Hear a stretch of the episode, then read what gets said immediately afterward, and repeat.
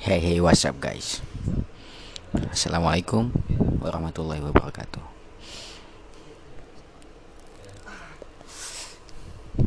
Um, Di sini pastinya Di podcast pertama gue Gue mau Sharing Tentang Istilah teman So To the point aja.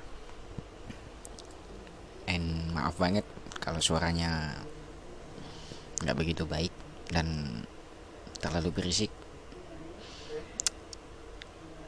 Dan gue juga Sambil merokok pastinya.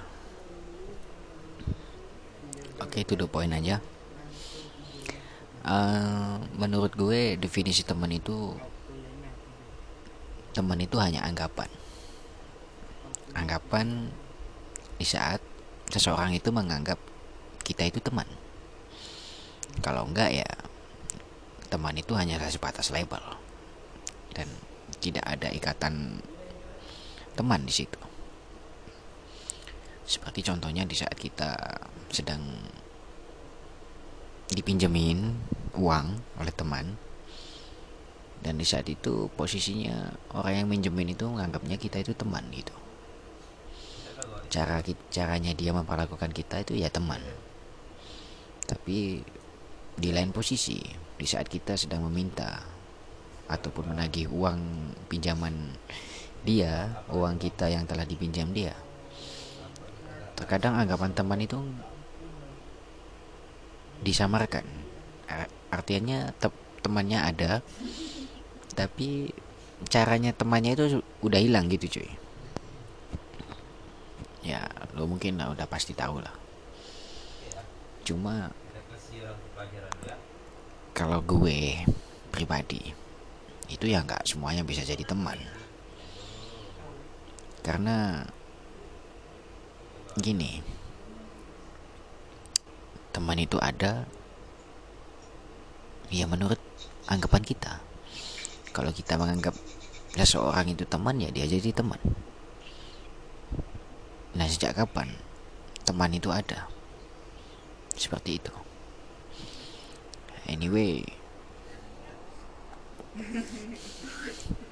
Terkadang kita itu salah menafsirkan dalam pertemanan. Dan yang namanya manusia itu sosial sosialnya itu ya selalu ada gitu.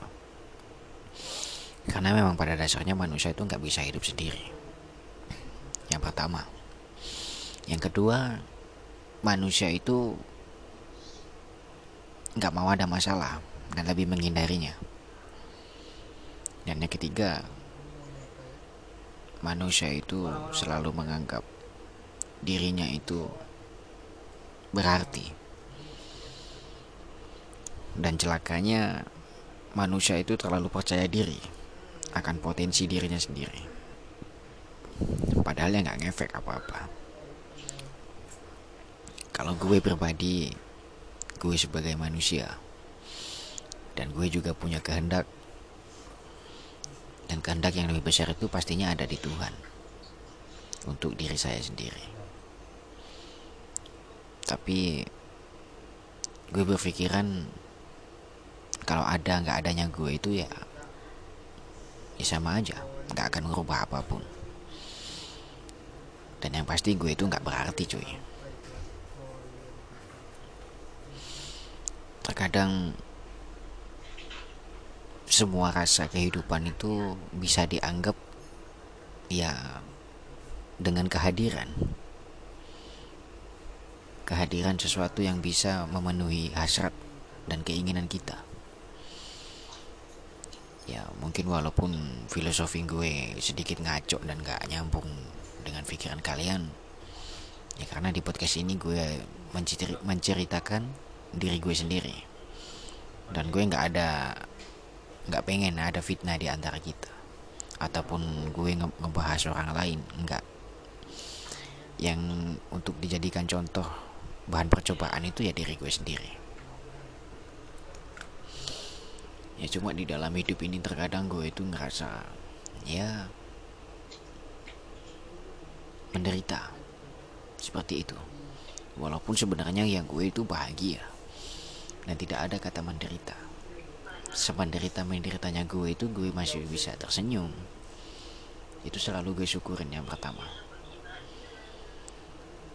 Gue sering melihat tuh seseorang itu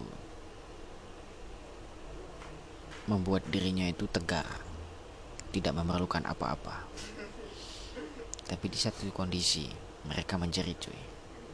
Minta tolong. Dan pertolongan itu dalam bentuk apa pun. Dan gue dalam hidup gue ini kecewa banget. Kecewa terhadap diri gue sendiri. Dan orang yang paling benci di dunia ini yang paling-paling gue benci banget di dunia ini ya di saat gue melihat cermin.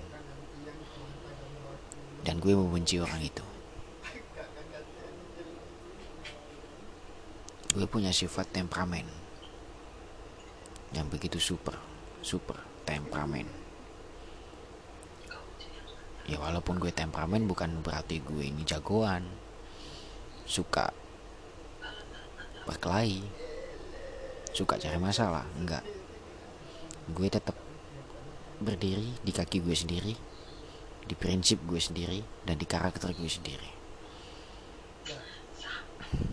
Dasar yang pertama yang gue berlakukan untuk hidup gue yang terpenting gue nggak memakan hak orang lain. Gue nggak mencuri dan gue nggak merugikan orang lain. Dan tidak ada pihak yang gue perkosa. Gue udah bahagia di situ uh, anyway Nama gue Aldi Yudhistira. Dan gue umur 25 mau ke 26 Jadi gue itu punya masa lalu yang begitu. Ya kalau gue inget-inget sih isinya kecewa semua cuy. Nyesek aja tapi gue bikin enjoy di sini. Karena gue nggak pernah menganggap diri gue berarti. Dan semua apa yang gue miliki itu hanyalah ya titipan. Dan di sini gue nggak mencoba untuk mem baik-baikan gue membagus-baguskan gue enggak cuma memang seperti itu adanya. Tapi walaupun seperti itu ya gue ada sifat-sifat bangsatnya juga. Kalau ada pemicunya. Contohnya kalau temen itu ngebohongin gue ya gue bisa ngebohongin dia 10 kali lipat dari apa yang dia lakukan. Itu sudah pasti cuy. Kalau dia ngebohongin gue sekali ya bukan berarti gue ngebohongin dia itu berkali-kali sampai 10 kali enggak. Gue cukup ngebohongin dia sekali tapi sakitnya itu 10 kali dari apa yang dia berikan dan gue orang pemikir banget. Perhitungan. Gue kalau untuk urusan untuk membuat orang menderita gimana caranya untuk orang itu nyesel wah. Mungkin gue bidangnya walaupun gak perfect. Tapi setelah semua yang gue lakuin kepada manusia-manusia yang gak tahu diri itu ya buktinya mereka ya menganggap gue anjing gitu katanya cuma satu untuk mereka-mereka yang seperti itu. Sebelum Anda melihat seorang lain, lebih baik Anda melihat jalan Anda sendiri dan fokus kepada tujuan itu. Karena yang namanya hidup kita, walaupun kita dengan seorang ibu yang ikatannya begitu kuat dengan kita, jalan hidup kita itu nggak pasti sama, cuy. Dan tujuan kita itu nggak pasti sama. Jangankan tujuan. Semuanya kita nggak sama. Yang disamakan itu hanyalah kita memiliki kepercayaan yang sama terhadap Tuhan. Mempercayai rasul-rasulnya. Kalau muslim kalau di luar itu gue nggak tahu. Dan yang pasti kita ini ditakdirkan menjadi makhluk yang diberi label manusia.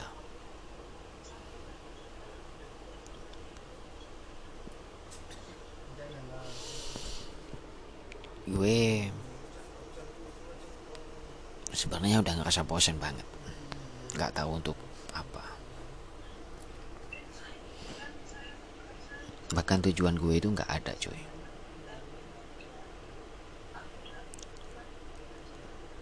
waktu gue kecil gue udah bahagia banget dengan kehidupan gue. Setelah meranjak remaja kehidupan gue berubah. Gue pindah ke kota tepatnya di Lamongan Jawa Timur. Dan di situ gue mau mulai-mulai start menjalani kehidupan remaja ke dewasa gue. Dan gue di kota itulah pertama kalinya gue berpacaran. Dan waktu itu gue dengan dia itu kenalnya secara nggak sengaja. Dan konyolnya itu kenalnya aku dengan dia itu lewat Facebook cuy. Jadi ceritanya itu waktu dia ngeposting foto dengan captionnya yang, yang gue lupa udah. Terus gue dengan isengnya itu mengomentari gitu. Yang isinya makin cantik aja gitu. Terus sama dia dibalas. Makasih gue balas sama-sama. Terus keesokan harinya dia ya gitu. Ngelek komentar gue. Jadi gue tanggepin. Waktu dia ngelek-ngelek komentar gue yang semalam gue tanggepin dengan messenger. Nah, by the way waktu dulu itu nggak gue belum punya gadget yang bisa pakai messenger cuy. Jadi waktu dulu itu gue sering ke warnet hanya untuk facebookan dan main game. Point blank. Yang tembak-tembakan itu. Ya gue ngabisin uang-uang saku sekolah gue hanya untuk hal, -hal bodoh seperti itu. Ngikutin lifestyle hidupnya teman-teman semua yang sebenarnya gue nggak suka. Waktu gue terbuang. Cuma di waktu itu ya karena gue pengen bersosialisasi gue pengen ada teman yang gue ikut mereka. Karena dengan seperti cara itu dengan cara itulah gue bisa dapat teman.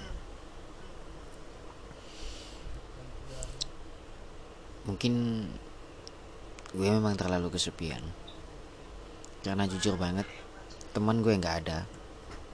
Di sekolah pun gue orang yang diasingkan coy gue sering ditindas gue sering dipukulin gue sering dibully. Bahkan waktu di sekolah dulu gue ingat satu momen. Waktu itu ya seperti itulah. Di sekolah SMA itu seperti kayak ada premannya gitu kan yang nguasain sekolah. Jadi kakak kelas gue itu minta duit ke gue dan gue nggak ngasih dia. Cuma dia ngasih keringanan untuk gue keringanan beban. Waktu itu gue dipalak. Akhirnya gue bilang aja gue memang nggak ada uang bang. Tapi gue bilangnya gue nggak ada uang pak masih itu ya udah kalau kamu nggak nggak mau ngasih uang kamu gue suruh-suruh mau gitu. ya udah gitu. Kalau kamu nggak mau gue tonjok dia bilang gitu. Ya karena gue masih waktu itu nggak ada nyali dan gue takut. Dan gue nggak mau ada masalah. Dalam artian ditonjok itu ya sakit cuy. Dan gue nggak nggak mau merasakan kesakitan. Ya gue mau aja gue disuruh-suruh akhirnya gue mau dan selesai. Dia ngelepasin gue. Dan dari situ dari momen itu gue bisa memahami bahwa yang namanya menipu itu nggak selalu untuk salah. Terkadang kita menipu itu untuk kebenaran. Ya seperti tadi waktu gue dipalak dimintain duit gue bilang nggak ada duit karena gue memang gak, dia karena dia tahu keluarga gue kayak gimana. Ayah aku udah nggak tahu ke mana. Dan gue nggak mau nyeritain itu lebih lanjut. Yang pastinya gue hidup dalam kondisi yang ya kekurangan gitu. Jadi setelah itu nggak lama kemudian gue pergi ke, kam ke kamar mandi cuy. Dan nggak sengaja di sana di lorong itu gue ngeliat teman gue. Orang yang dekat dengan gue anak yang dekat dengan gue. Yang tiap pagi berangkat sekolah bareng gue jalan kaki sejauh kurang lebih. Kalau nggak salah kalau nggak tiga dua kilometer gitu karena waktu dulu itu teman-teman gue udah punya sepeda semua dan gue dengan temen gue yang lain-lain nggak punya. Karena kita berasal dari keluarga yang kekurangan. Bahkan gue inget banget dulu waktu bayar uang kas sekolah kelas. Gue nggak sanggup cuy. Tapi di situ gue nggak pernah ngerasa gue menderita dan waktu di lorong itu gue ngeliat teman gue dipukulin dibully. Sampai di kepalanya disiram sama es yang dibungkus plastik itu. Jadi gue nggak tega. Gue nyamperin dia. Cuma gue bilang bang berhenti gitu. Jangan sakitin dia gitu. Kamu kenapa kok ikut campur? Dia tanya seperti itu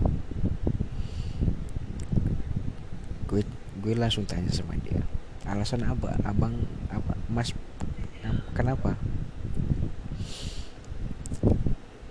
Kok berani kali mukulin temen aku? Jadi kamu ngebela ngebelain dia? Emangnya kamu bisa nyelesain masalah? Dia tanya seperti itu.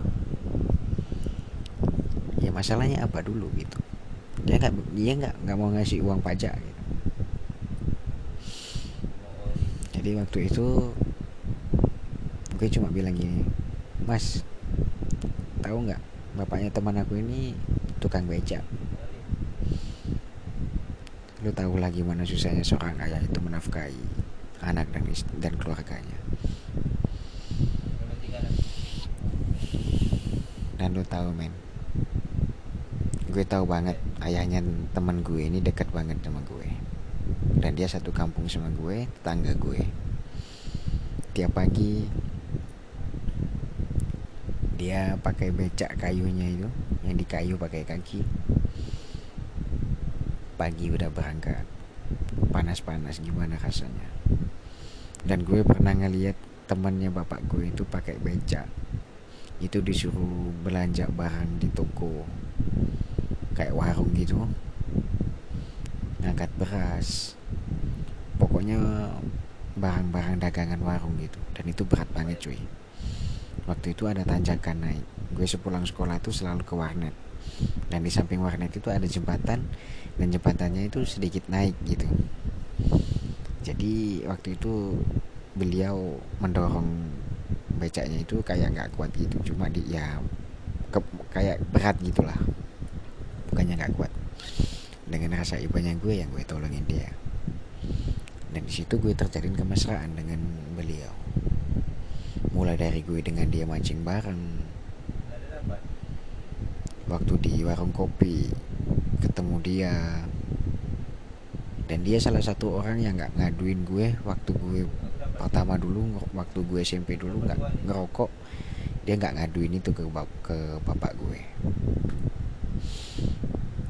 Jadi mulai di situ gue ada respect sama dia. Dan waktu temen gue di balik lagi ke ceritanya tadi. Gue ceritain semua tentang keluarga dia gini-gini. Cuma gue mau pertanyain mas gitu. Seandainya posisi masnya di Bali waktu itu teman gue namanya Tony cuy. Terus gue bilang gini kalau seandainya posisinya Tony ini ada di Mas gimana? Coba mikir pakai perasaan walaupun anda seorang lelaki yang gak baperan seperti cewek. Dia termenung cuy. Kalau ini nggak terjadi dengan emas coba bayangin adik emas. Tapi nggak tahu lah di usia saya kayak gitu tuh dengan sendirinya gue bisa bisa bisa bisanya gue ngajuin pertanyaannya kayak gitu. Dan itu work banget gitu loh. Terus dia terus dia nge ngeberhentiin tindakannya. Terus dia minta maaf sama Tony. Habis itu dia bilang gini sebagai tanda minta maaf kamu gak wajib bayar pajak sekolah gitu katanya tapi waktu itu gue nggak mikir yang aneh-aneh. Yang penting tonenya nggak disiksa dengan mereka mereka ya udah. Tapi setelah kepikiran gue waktu pulang sekolah gue selalu mampir ke sawah cuy. Di sana ada ada gubuk. Dan gue selalu berhenti di situ saat pulang sekolah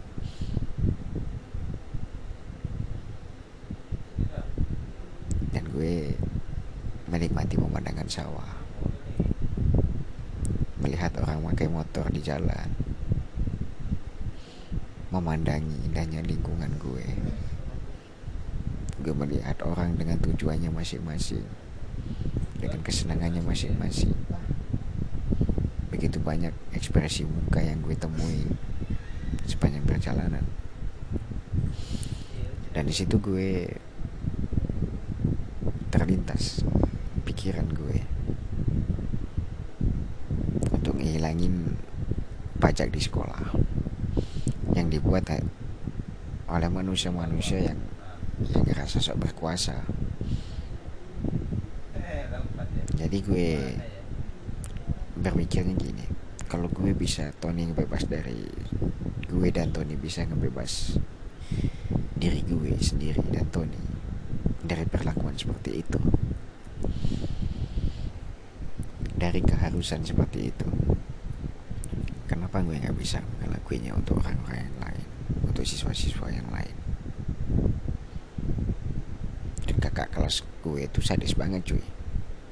Dia nggak nggak malakin yang cowok-cowok doang yang perempuan-perempuan pun yang terlihatannya anaknya orang mampu dikit dipajakin sama dia. Jadi dan gue waktu mau nyoba-nyoba kayak gitu itu nggak nggak pernah berhasil cuy karena ya satu gue nggak punya masa. Dan yang kedua gue nggak punya kekuatan. Ataupun gue itu bukan Superman. Cuma waktu itu gue berpikirnya seperti ini.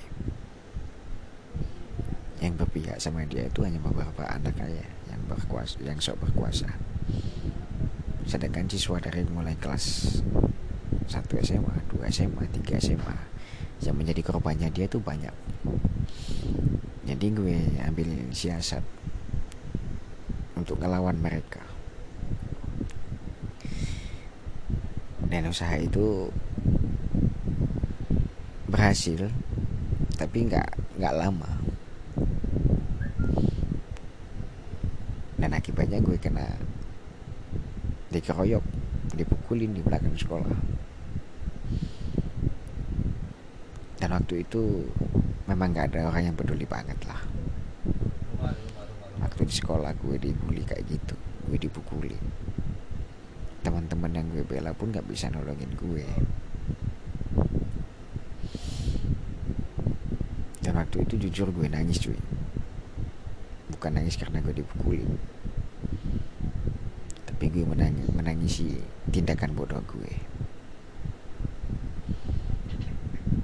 Dalam hati gue menyadari untuk apa aku memikirkan mereka. Sedangkan mereka aja nggak peduli sama aku.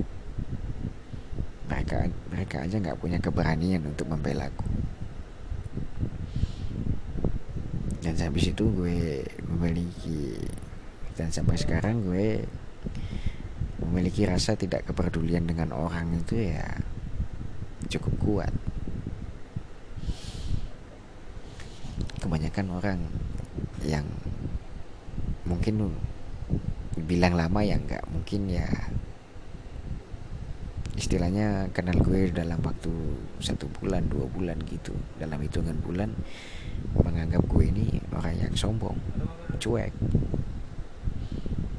yang bilangnya gue ini pantasnya jadi orang gua jadi orang rimba ya karena memang gue ya cuek banget gitu loh. Untuk sekarang ini. Ya gue nggak mau peduli dengan orang. Kalau orang itu nggak minta tolong sama gue ngapain aku nolongin dia? Karena gue takut cuy.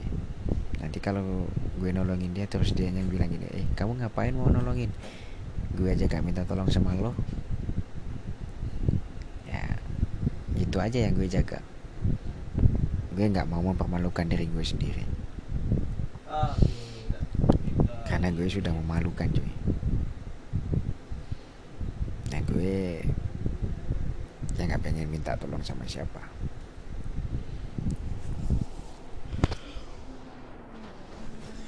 yang pastinya gue di sini. Ya menjalani kehidupan gue. Gue yang gak pernah berarti. By the way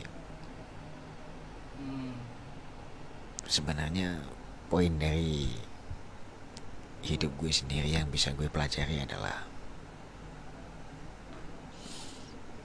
ketika seseorang mengatakan dia menyukaimu, itu adalah kebohongan.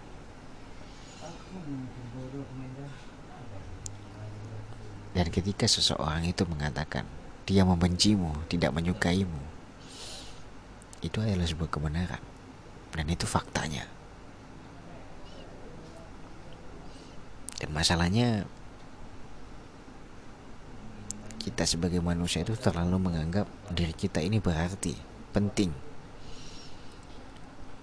Yang menimbulkan pertanyaan, kenapa sih harus gue? Kenapa gue kok menderita?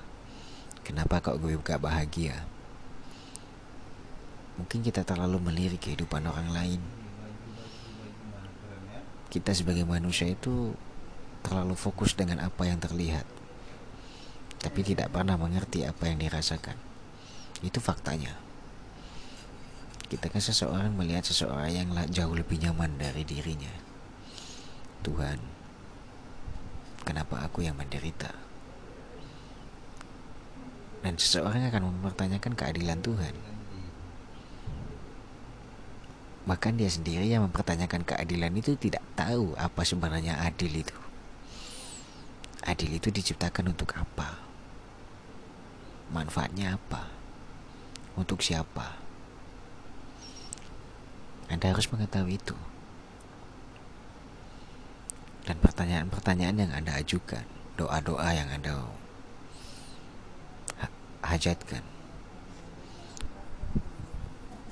dan semua-semua harapan, pikiran, rancangan kehidupan tentang masa depan, itu semuanya menyangkut diri Anda sendiri untuk diri Anda sendiri. Yang Anda pikirkan hanyalah diri Anda sendiri. Pernahkah Anda memikirkan orang lain? Pernah Anda prihatin dengan orang lain? Anda prihatin dengan orang lain itu karena orang itu? Atau karena yang dialami oleh orang itu memperhatikan memprihatinkan? Seperti itu.